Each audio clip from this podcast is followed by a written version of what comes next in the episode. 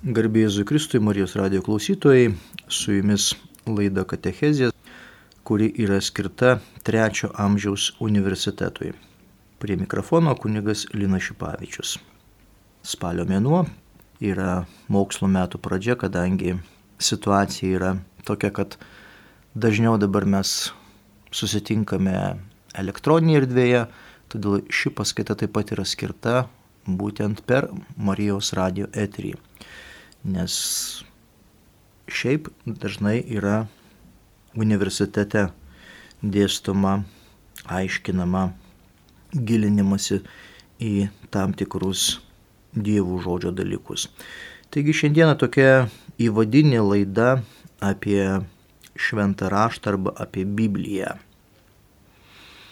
Biblija arba šventas raštas yra Seno ir Naujojo testamento knygų rinkinys bažnyčios patvirtintas kaip įkvėptas, skelbintis kartu su tradicija Dievo prieškimą, vieną tikėjimo depozitą ir vieną jos taisyklę.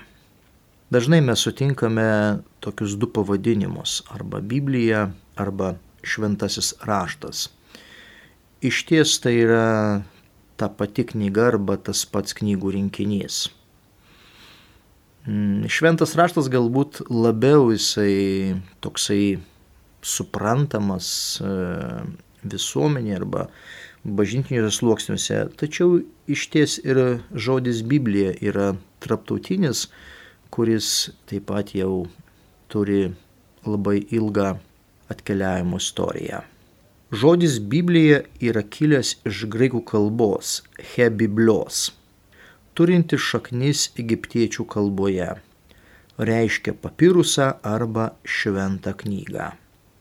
Sename testamente, norint apibriežti šventų knygų rinkinį, buvo naudojamas žodis knyga. Hebrajiškai Ha Sefer.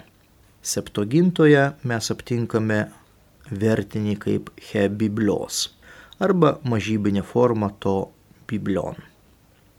Atkreipkime dėmesį, kad e, tai yra nepaprasta knyga arba knygų rinkinys, bet kaip e, antro Vatikano susirinkimo dokumentas įvardina, bet ir ankstesni jau dokumentai įvardina, kad tai yra dievų įkvėpta knyga, skirta tikintiesiems.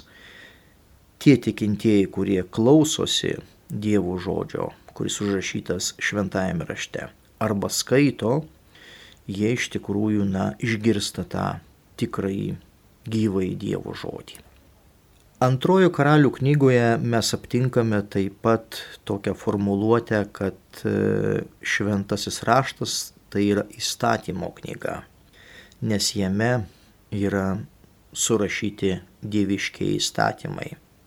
Taip pat yra terminas knygos arba rytinys, turintis mintį apie pranašų knygas. Ir tai atsispindi pranašo Danielio knygoje devintajame skyriuje antroje eilutėje. Makabijų laikais norint pabrėžti, jog knygos turi dieviškąją kilmę, o ne žmogiškąją, buvo pridėtas žodis šventas.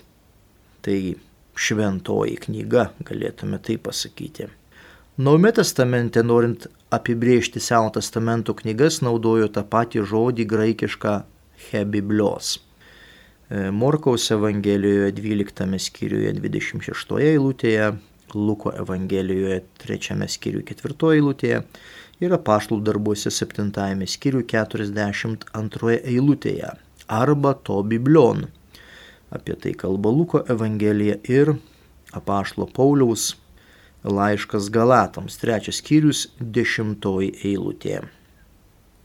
Bažnyčios tėvai Klemensas Aleksandrietis, Jonas Krizostomas ir Origenas e, švento rašto pavadinimą mm, vartojo terminu tą Bibliją. Daiktavardis e, daugiskaitos e, bevardė giminė. Mes matome, kad truputėlį jau kinta e, forma gramatinė pas bažnyčios tėvus. Dažnas šio žodžio naudojimas įtako, jog viduramžiuose Lotynų kalboje daiktavardis Biblija buvo pradėtas traktuoti kaip daiktavardis turintis moteriškos giminės vienaskaitos formą - Biblija. Lotynų kalbos įtakoje beveik visos dabartinės kalbos priėmė šį pavadinimą. E, kaip pavyzdys La Biblija, Di Bibel, La Biblija, Biblija, išreiškiant Senojo ir Naujojo testamento knygas. E, Naujas testamentas, norint apibriežti Senojo testamento knygas, buvo naudojamas žodis raštai, graikiškai haigrafai sutinkame Mato Evangelijoje, taip pat Luko Evangelijoje, laiške romiečiams 15 skyrius 4 eilutė ir pirmas laiškas korintiečiams 15 skyrius 3 eilutė. Tačiau populiarus terminas šventas žydų teologų buvo priimtas jau po kanoninės literatūros. Aptinkame Klemenso pirmajame laiške, taip pat galima palyginti su laiško romiečiams, pirmas skyrius, antroji eilutė. Be šio termino daugiskaitos formą naudoju taip pat žodį raštas, he grafe, vienaskaitos formoje įvardinant konkrečią Seno testamento vietą, pavyzdžiui, Morkaus Evangelija, 12 skyrius 10 eilutė, arba dažniausia rinkinį Seno testamento. Apie tai kalba Jono Evangelija, antras skyrius 22 eilutė, 10 skyrius 35 eilutė ir laiškas Galatams, trečias skyrius 8 eilutė ir 22 eilutė ir taip pat pirmas Petro laiškas, pirmas skyrius 20 eilutė. Pirmųjų amžių bažnyčia šiuos terminus naudojo apibriežti tiek Naujojo testamento ir Seno testamento knygas. Taip pat sutinkame Origeno ir Irinėjaus raštuose. Naudoju ir tokius terminus kaip Dievo raštas, viešpaties raštas, įkvėptasis raštas bei šventasis raštas. Taigi, brangiai matome, kad jau pirmaisiais amžiais e, pas bažnyčios tėvus patristikoje jau Biblija arba šventas raštas turėjo įvairių sinonimų arba įvairių pavadinimų, kaip Dievo raštas, kaip viešpatės raštas, kaip įkvėptasis raštas ir šventas raštas. Va šitas ypatingai mus domintų, kad e, Biblija tai yra įkvėptas Dievo žodis. Dažnai buvo naudojama e, graikiškas terminas tachera gramata, šventos raidės, jeigu mes galėtume taip išversti pažodžiui, E, cituoja arba vartoja tai apaštas Paulius antrame e, laiške Timotiejų, trečias skyrius 15 eilutėje, Klemensas Aleksandrietis ir Origenas. Taip pat sekantis terminas yra hoteos logos, Dievo žodis. E, šitą formulę naudoja Origenas. Ir po tokio įvado, po tokios bendros panoramos, kas tai yra Biblija, arba kas tai yra šventas raštas, arba kokie buvo pavadinimai, mes e, pažvelkime į tokį esminį e, Biblijos arba švento rašto turinį, ką jisai atspindi. E, švento rašto turinys aprašo žmogaus išganimo istoriją, pradedant prieš istoriją, tai yra pradžios knyga, nuo 1 iki 11 skyriaus ir baigiant eschatologinio laiko išsipildymu, tai yra apreiškimo knyga. Pagrindinis akcentas žmogaus išganimo istorijoje yra tokie trys elementai. Pirmas elementas tai, kad Dievas išsirenka pačioje pradžioje vieną tautą. Antras elementas - Dievas sudaro su tauta sandorą. Ir trečias elementas - Dievas duoda pažadą.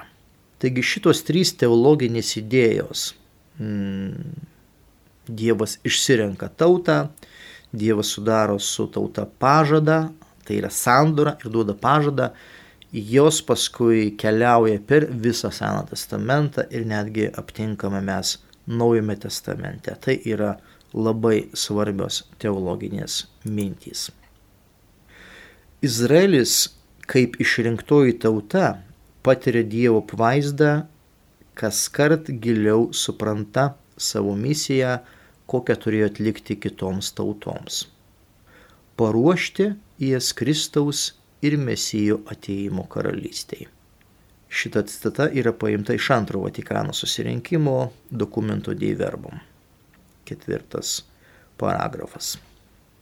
Po daugelio kartų ir įvairaus Dievo kalbėjimo žmogui, kai atėjo laiko pilnatvė, Dievas atsiuntė savo sūnų, kad žodžiu ir mintimi išpildytų išganimo darbus.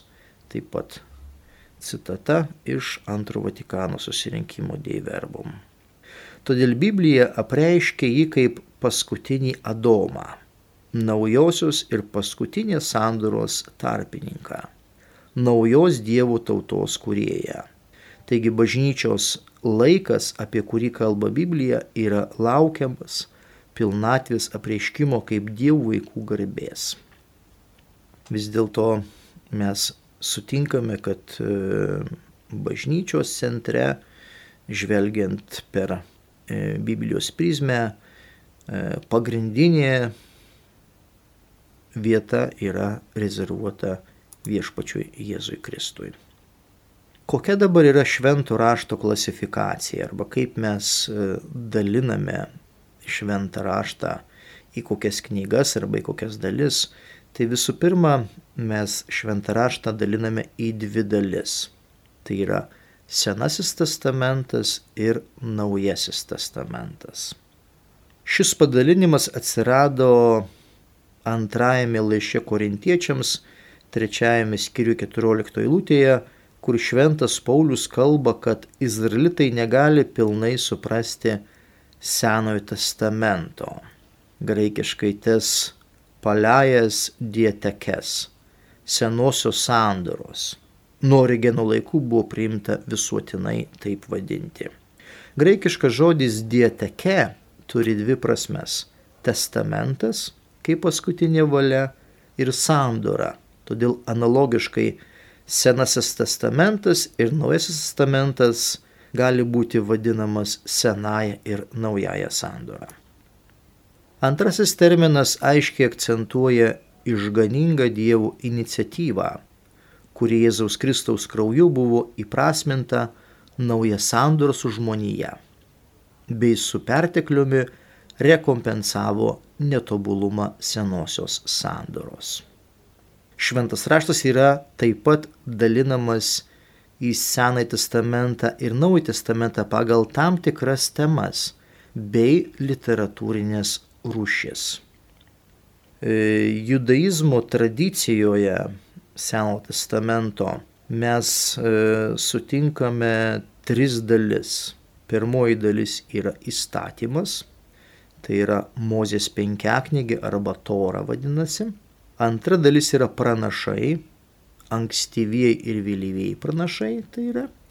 Ir trečia dalis yra vėlesnių autorių raštai įstatymų knygos arba penkiaknygė, jinai turi graikišką taip pat etimologiją, pentateuchos reiškia penkios knygos, hebrajiškai yra Tora, tai yra statymas. Ir šios knygų pavadinimai hebrajų kalboje kilo iš pirmojo žodžio. E, pradžios knyga, pirmoji Seno testamento, prasideda žodžiu berešit, pradžioje. Ir dėl to žydų tradicijoje jinai turi pavadinimą būtent Berešit. Taigi pirmasis žodis yra knygos pavadinimas. Tai yra žydiškoji tradicija. Išėjimo knyga e, hebrajiškai skamba Velech Šemot, štai vardai. Kunigų knyga Vaikra e, reiškia pasišaukė. Skaičių knyga Bemidbar reiškia dykumoje. Ir pakartoto įstatymo knyga Elech Gadebarim. Štai žodžiai. Tai štai pagal žydišką tradiciją penkiaknygė arba pirmos penkios knygos Tora turi pavadinimus kilusius nuo pirmojo eilutės žodžio. Kalbant apie pranašus, pranašai yra dalinami į tam tikras kategorijas. Ankstyvieji pranašai pagal žydišką tradiciją yra Jozuės knyga, yra Teisėjų knyga, pirma, antra Samuelio knyga ir pirma, antra Karalių knyga. Vėlyvieji pranašai Izaijas, Jeremijas ir Ezachielis ir dvylika pranašų - Ozėjas, Joelis, Amosas, Abdijas, Jona, Michėjas, Nahumas, Habakukas, Sofonijas, Agėjas, Zacharijas ir Malachijas. E, sekanti dalis yra vėlesnių autorių raštai, didieji raštai - psalmių knyga, patarlių knyga ir Jobo knyga. Penki rytiniai Gesmių gesmė, Rūtos knyga, Raudų knyga, Koheleto knyga ir Esteros knyga. Na ir papildomos knygos tai Danieliaus knyga, Esdro knyga, Nehemijo knyga ir pirma, antra kronikų knygos. Na ir dabar pažvelkime į katalikų bažnyčią. Tridento susirinkimo dekrete paskelbė švento rašto kanoną. Istorinės knygos. Tai yra penkiaknygė, pradžios knyga, išeimo knyga, kunigų knyga, skaičių knyga, pakartoto įstatymo knyga. Deuteronomistinės knygos. Jozuės knyga, Teisėjų knyga, Rūtos knyga, pirma, antra Samuelio knyga ir pirma, antra Karalių knyga. Kronikų darbai tai yra pirmoji ir antra kronikų knygos istorinės didaktinės knygos. Tai yra Rūtos knyga, Tobito knyga, Juditos knyga, Esteros knyga ir pirma, antra Makabėjų knygos. Sekanti dalis yra didaktinės knygos, išminties arba poetinės didaktinės knygos. Jobo knyga, psalmių knyga, patarlių knyga, Koheleto knyga, giesmių giesmė, išminties knyga ir Siracido knyga pranašų knygos. Trečia dalis pagal katalikų bažnyčią. Didieji pranašai. Izaijo knyga, Jeremijo knyga, į kurią įeina Raudų knyga ir Barucho knyga, Jeremijo laiškas. Ezachėlio knyga ir Danieliaus knyga. Mažiai pranašai. Ozėjas, Joelis, Amosas, Abdijas, Jona, Michėjas, Nahumas, Habakukas, Sofonijas, Agėjas, Zacharijas ir Malachijas. Na ir Naujasis testamentas analogiškai dalinamas kaip ir Senasis testamentas, turi tokias tris pagrindinės dalis. Tai yra istorinės knygos, didaktinės knygos ir pranašų knygos. E, istorinės knygos tai yra keturios Evangelijos ir apaštalų darbai. Didaktinės knygos yra visi laiškai. Ir pranašų knygos priskiriama, aišku, apreiškimas Jonui. Istorinės e, knygos. Tai visų pirma yra sinoptinės Evangelijos, Evangelija pagal Matą, Evangelija pagal Morkų ir Evangelija pagal Luką. Sinoptinės knygos yra dėl to, kad jos turi labai daug panašumų. Jos turi tam tikrą pasakojimą į tokį bagažą, kuris na, yra labai panašus viena su kita Evangelija. Evangelija pagal Joną turi kitą tradiciją ir dėl to jinai yra atskira ir aišku apaštalų darbai. Tai štai tokios yra e, istorinės knygos. Didaktinės knygos tai yra antroji dalis. Švento Pauliaus laiškai. Pirmas ir antras laiškas tesalonikiečiams. Tai yra pirmasis apaštalo Pauliaus rašytinis darbas. Didieji laiškai. Pirmasis ir antrasis laiškas korintiečiams, laiškas galatams ir laiškas romiečiams. Kalėjimo laiškai, kuomet apaštalas Paulius buvo kalinamas. Laiškas filipiečiams, laiškas kolosiečiams, laiškas Filemonui ir laiškas Efeziečiams. Pastoraciniai ganytojiškiai laiškai. Tai yra pirmas, antras laiškas Timotiejui ir laiškas Titui. Kaip atskira dalis yra laiškas žydams arba hebrajams. Anksčiau buvo identifikuojama, kad tai yra apaštalo Pauliaus laiškas, tačiau šiais laikais egzagetai įrodė, kad tai yra nežinomo autoriaus būtent parašytas laiškas. Na ir visuotiniai arba katalikiški laiškai.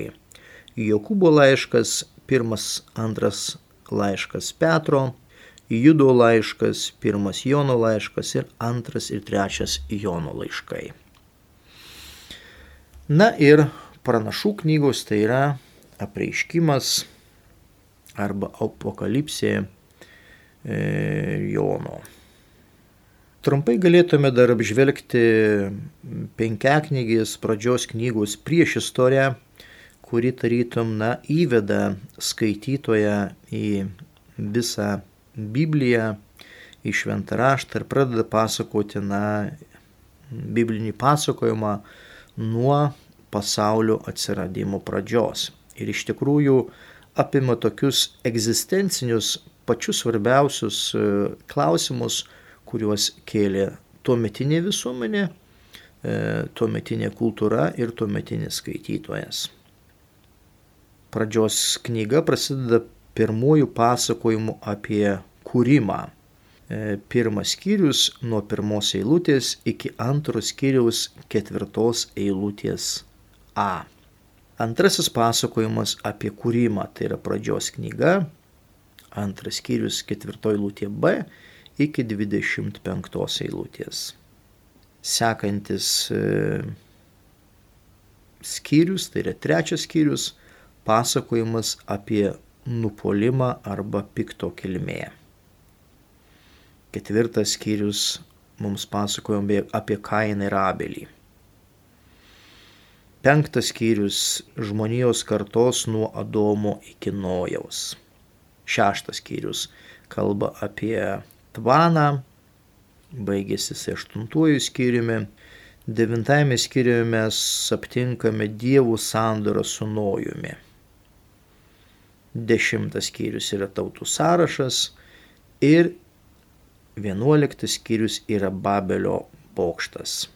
Tai yra devyni pasakojimai arba devyni fragmentai, kurie įžengia į tą priešistorės e, literatūrinį žanrą. Atkreipkime dėmesį, kad tie pirmieji skyriai atsako egzistencinius žmogui e, keliamus klausimus visų pirma, kas yra pasaulio kuriejas, kas yra žmogaus kuriejas, koks yra žmogaus gyvenimo tikslas, tai yra kas liečia žmogų. Vėliau kalbama, kaip atsirado nuodėmė arba kaip atsirado blogis. Apie tai kalba trečias skyrius pradžios knygos. Na ir paskui parodomas tas blogis e, Kaino ir Abelio istorijoje, kad ta nuodėmė iš tikrųjų išsiplečia ir netgi pasiekia tokį tašką, kad e, brolis nužudo brolį dėl pavydo.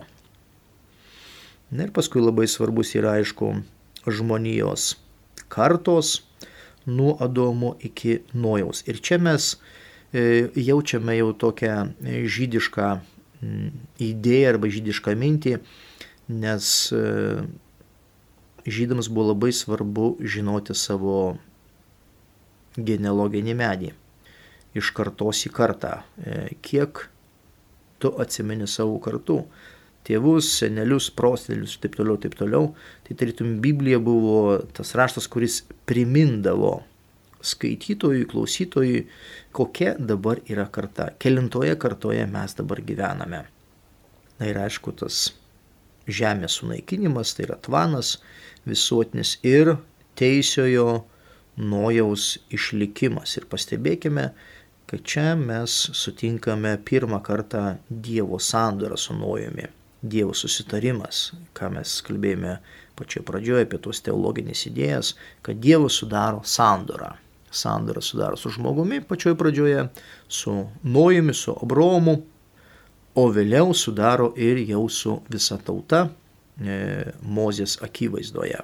Na ir vėl dešimtas skyrius tautų sąrašas ir matome taip pat jau vėlgi tą tokią nuodėmės jau vėl išvešėjimas, atsiradimas ir tada yra pasakojimas apie Babelio bokštą, kad žmonės nebūtų vieningi, taip galima sakyti, bet čia tokia yra biblinių autoriaus truputėlį ir humoro forma, nes biblinis autorius dažnai mėgsta juokauti apie žmogaus kažkokius tai kūrimus planus. Trumpai kalbant apie pasaulio sukūrimą, nors ir, tarkime, pirmas skyrius pradžios knygos, kuris kalba apie pasaulio sukūrimą, jisai chronologiškai arba struktūriškai yra įkomponuotas į pirmą vietą, tačiau istoriškai jisai yra jaunesnis. Antras skyrius pasakojimas apie žmogaus ir apie pasaulio sukūrimą, jisai yra senesnis ir mokslininkai kalba, kad tai yra jehvistinė tradicija, tai yra 10 amžius prieš Kristų, o pirmas skyrius yra elohistinė tradicija, tai yra 7 amžius prieš Kristų. Dėl to, kada mes žvelgiame į antrą skyrių, nuo ketvirtos eilutės baigė 25 eilutės, mes pastebime iš tikrųjų, koks yra sukūrimo eiliškumas. Visų pirma, yra sukūrimas žmogus, paskui sukūrima augmenyje, gyvūnai ir pačioje pabaigoje yra moteris. Atkreipkime dėmesį, kad žmogus tarytum atidaro tą sukūrimo eiliškumą ir žmogus uždaro tą sukūrimo eiliškumą. Ir tarytum tas toks įgaunasi, nu, apskritas ratas. Tai yra, vat, hebrajiškos retorikos e, struktūra. Tai nėra tiesioginė linija, tai yra netiesi linija, bet yra būtent apskritas ratas. Pasakojimas prasideda vyro sukūrimu arba Adomo sukūrimu, toliau yra aprašoma augmenyje, paskui yra gyvūnai ir pačioje pabaigoje yra sukūriama moteris. Ir čia labai įdomus dalykas tame antrame pasakojime, kuris yra arhaiškesnis, e, Dievas nekuria žodžiu kaip pirmajame pasakojime, bet panašiai veikia kaip žmogus. Tuo paprastu konkrečiu būdu įkviptasis autorius skaitytojai perdoda religinę tiesą. Viešpats Dievas padarė, hebrajiškai ašach - žemę ir dangų. Tekstą galima padalinti į tris dalis. Jeigu kalbame apie tą e, pasakojimą, tai yra vyro sukūrimas, paskui žmogaus įkurdinamas Edeno sodė ir moters sukūrimas. Na, o pirmasis pasakojimas pirmajame skyriuje yra vadinamas iškilmingas himnas skirtas Dievo pasaulio kurėjo garbiai švento rašto autorius apreiškia esminę teologinę mintį. Pradžioje Dievas sukūrė dangų ir žemę. Dievas viską kūrė žodžiu, nesinaudodamas jokia materija. Na ir teksto tokia struktūra yra įžanga, vadinasi prologas, pirma dalis, kuri prašo pirmasis tris kūrimo dienas, antra dalis aprašo ketvirtą, penktą ir šeštą dienas. Ir paskui yra pabaiga, arba epilogas. Tai yra jau labiau išdirbtas e, klasikinis, e, antikinis, galima sakyti, kūrinys, kuris įžengė į Biblijos erdvę. Antrajame pasakojime mm, centrinė figūra yra žmogus.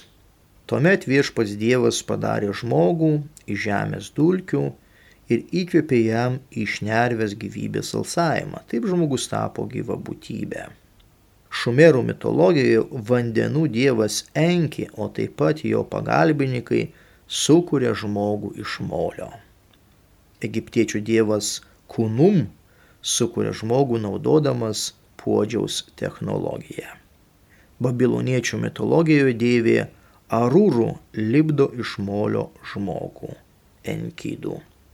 E, Dievas sukuria gyvūniją ir atveda pa žmogų, kad jis jiems duotų tikruosius vardus. Ir paskui Dievas sukuria žmogų. Bet štai mes matome, e, brangiai klausytojai, kad vis dėlto tas senesnis pasakojimas apie žmogaus sukūrimą, jisai turi tuos ir kitose tautose atspindžius, tiek šumerų, mitologijoje, tiek egiptiečių mitologijoje ir tiek pat ir babiloniečių mitologija. Taigi visos tos senusios tautos, kurios bandė atsakyti tam smalsiam klausytojui, smalsiam gyventojui, kas iš tikrųjų žmogaus kuriejas, kas iš tikrųjų pasaulio kuriejas, kaip iš tikrųjų Dievas sukuria žmogų, tai va štai mes turime tą nuostabų tokį literatūrinį žanrą, literatūrinį pasakojimą e, apie pasaulio ir žmogaus sukūrimą. Labai įdomus dalykas yra pradžios knygoje 20, 26 eilutėje, pirmos kiriaus, kada kalbama apie žmogaus sukūrimą. Žmogaus sukūrimą ir kaip Dievas prabyla, kad sukurkime žmogų į mus panašų, pagal mūsų paveikslą ir panašumą. Ir vis dėlto tas pirmas žodis, kuris krenta mums jausi yra tas paveikslas. Hebrajiškai selem. Tai yra paveikslo idėja. Žodinai kalba, kad etimologija yra, na, neaiški. Reikšmių yra tikrai nemaža. Paveikslas, panašumas, kažkas tai nepaprasto, atvaizdas, įsivaizdavimas, mintis, forma, figūra. Galbūt jisai kilęs iš asiriško žodžio, kurį taip pat e, turi reikšmę paveikslas, gali būti netgi ir išlavintas žmogus, gali būti ir net nerealus paveikslas. Atitikmuo yra aramėjiško ir siriško žodžio alma arba ar, ar, arabiško salma - nupjauti, nukirsti. Etiopiškai taip pat yra atitikmuo paslaptingas kažkas tai tokio. Tai štai mes matome, kad e, Biblija mm, remdamasi hebrajų kalba remdamasi kaimininių kalbų pagalba, bando papasakoti žmogui, kad Dievas yra kuriejas, kuris kuria žmogų į save panašų pagal paveikslą ir panašumą. Iš 17 kartų net 7 kartus turi prasme įvairių tipų fizinio įsivaizdavimo. Čia kalbame dabar apie tą paveikslą. Dievo paveikslo idėja vartojama keturis kartus Sename testamente. Daug kartų pats daiktavardis Selem reiškia pagoniškus dievus skirtus sunaikinti. 39 psalmė 7 eilutė kalba apie reikšmę nukreiptą kaip paralelę į menkumą ir menkystę. Pirmoji Samuelio knyga 6 skyrius 5 eilutė ir 11 eilutė funkcionuoja filistinams kaip pavyzdys, pagal kurį turi padaryti modelio pavyzdį, kuris atsirado dėl sandoros skrynios. Tai štai mes matome, kad e, kartais tas biblinis tekstas, ypatingai Seno testamento hebrajų kalbos, jisai, jisai na, yra labai platus ir kartais labai sunku apibriežti vienu žodžiu vieną ar tai kitą idėją. Sekantis daiktavardis hebrajiškas demiut, kuris kalba, kad e, sukurkime pagal mūsų paveikslą ir panašumą, tai vad būtų tas žodis panašumas, panašumo idėja, yra labiau abstrakti. Manoma, kad ji turėtų sumažinti selem reiškinio prasme ir pabrėžti, kad būti paveikslu nebuvo turima galvoje pažodinės reikšmės. Ir čia turbūt mums būtų atsakymas, kad kai kurie žmonės galvoja, kad e, jeigu Biblijoje yra pasakyta, kad žmogus yra sukurtas pagal Dievo paveikslą ir panašumą, tai turėtų būti, kad e, tai yra tiesioginė prasme, tiesioginės toksai suvokimas, bet vis dėlto tai nėra.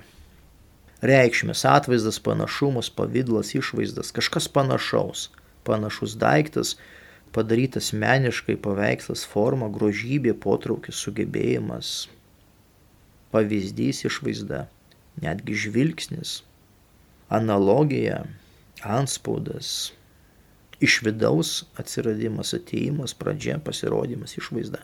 Kai kurie bažnyčios tėvai taip pat kalbėjo, kad tas vat, panašumo idėja tai ta vidinis žmogaus gyvenimas, kas, yra, kas lypi žmoguje iš vidaus. Na ir brangiai, užbaigiant šitą laidą, galėtume na, ištarti išvadas, kokios yra išvados šios dienos apmąstymo katechezės Šventų rašto autoriai neperdoda informacijos apie žmogaus sukūrimo būdą ir laiką. Žmogus yra Dievo kūrinys, priklausantis jam buvime ir veikime. Žmogus buvo sukurtas gyventi monogaminėje santokoje. Žmogus gavo įsakus iš Dievo dirbti žemę, valdyti augmenijos ir gyvūnijos pasaulį, dalyvauti kūrybinėme Dievo veikime bei pasaulio veikime. Ačiū brangieji už dėmesį. Su jumis buvo kunigas Linas Šipavičius. Katechezės laida skirta trečio amžiaus universitetui.